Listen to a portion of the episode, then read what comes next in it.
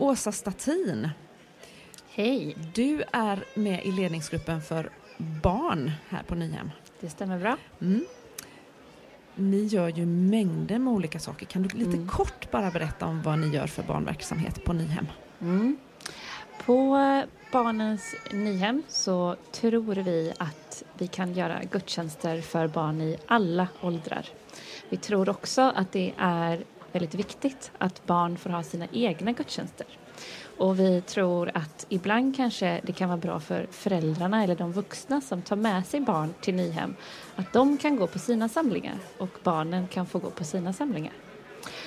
Och när vi har gudstjänster så har vi för 0 till 3-åringar, vi har för 4 till 7-åringar och 8 till 11-åringar. Sen får du fortsätta bort till rutan om du är lite äldre för att gå på Kids Plus eller vara med på ungdomarnas möten.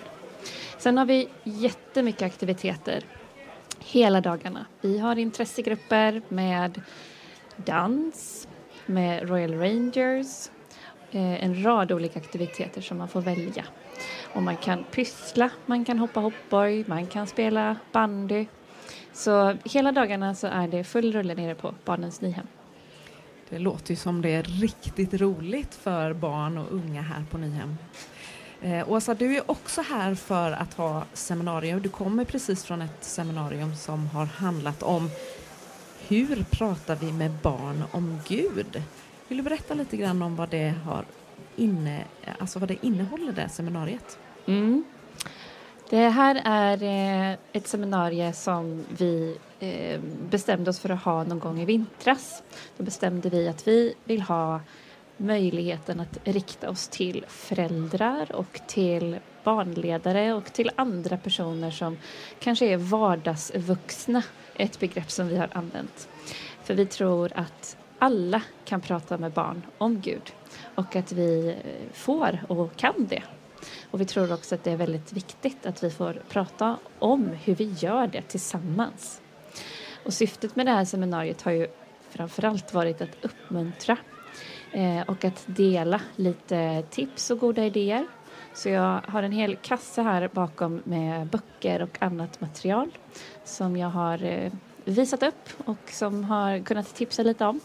Eh, och sen försökt att på ett väldigt, väldigt enkelt sätt också göra det lite mindre dramatiskt.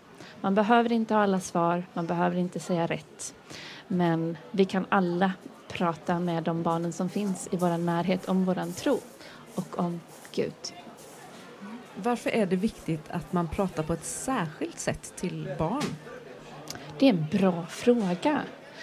Jag tror inte att man behöver prata på ett särskilt sätt. Jag tror att det viktiga är att man pratar.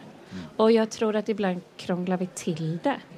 Och vi kanske tror att jag behöver vara duktig på teologi eller pedagogik eller någonting annat. Eh, Men jag tror att vi ska göra det så enkelt som vi bara kan när vi pratar med barn om våran tro, om Gud, om Jesus, om Bibeln, hur man ber och så vidare. Det är jättelätt. Jag tänker på nu när du har haft föräldrar. Hur är responsen när de får sådana här tips? Säger de ja och amen eller tycker åh vad bra? För vi har haft lite svårt. Vad säger de? Jag fick ju möjlighet att prata med några av dem som besökte seminariet. Eh, och det var flera som var glada för eh, lite tips som kom fram och bläddrade i det material som jag hade med mig till seminariet och det var flera som kunde dela med sig av sina tips som de hade med sig. Eh, och det blev också lite samtal mellan de som besökte seminariet. Hur gör du? Det här är svårt. Eh, hur gör jag det på ett, på ett bra sätt? Vad har jag för, för ingång? Och olika åldrar, givetvis, har olika utmaningar. Mm. Spännande. Ja, jag tycker det låter väldigt bra och pedagogiskt väldigt fint. Ja. Och eh, när du har det här, tänker du själv när du då är en professionell talare och när du talar med barnen hemma i, i då Smyrnaförsamlingen, tänker på vad du har lärt de vuxna eller går det ändå? När du, när du själv talar till barn i olika sammanhang. Ja, men Jag, jag gissar att du frågar om jag lever som jag lär. Ja, Ja, precis. eller praktisera som du lär. Ja, exakt. Och jag, hade, jag hann fika lite grann innan här och då hann jag prata om exakt det. Att eh, det är ju lättare att säga hur man tänker än att göra det. Men jag tror att det enda vi kan göra är att öva. Eh, och om man eh, misslyckas, då har man i alla fall testat. Det tror jag. Bra. Fantastiskt. Mycket spännande. Vi skulle ju kunna prata jättelänge om det här men är man då nyfiken på det här och vad du har att säga på det här seminariet så har man ju en chans till, eller hur? Ja, det stämmer. När och var? Då kommer man till Lilla Stråkenhallen på onsdag klockan 15. Mm. Och vill man lyssna på något annat seminarium däremellan så är det klockan 15 i Lilla Stråkenhallen även imorgon tisdag och på torsdag. Men då är det andra talare som kommer att prata på ungefär samma tema. Just det. Och frågan är en sak. Jag har varit en barnmötesfarbror, rest runt i Sverige. Och på den tiden så var mycket dramatisk. Och så också hade man på eh, sandlådegrejer och, vad det kallas, man satt upp en duk med bilder. Gör ni sånt nu för tiden när man talar med barn? För det gillade de. Ja, men nu kan man ju använda iPads och man kan använda projektor och man kan använda alla möjliga härliga saker. Men det ser ju också väldigt olika ut vad vi har för förutsättningar.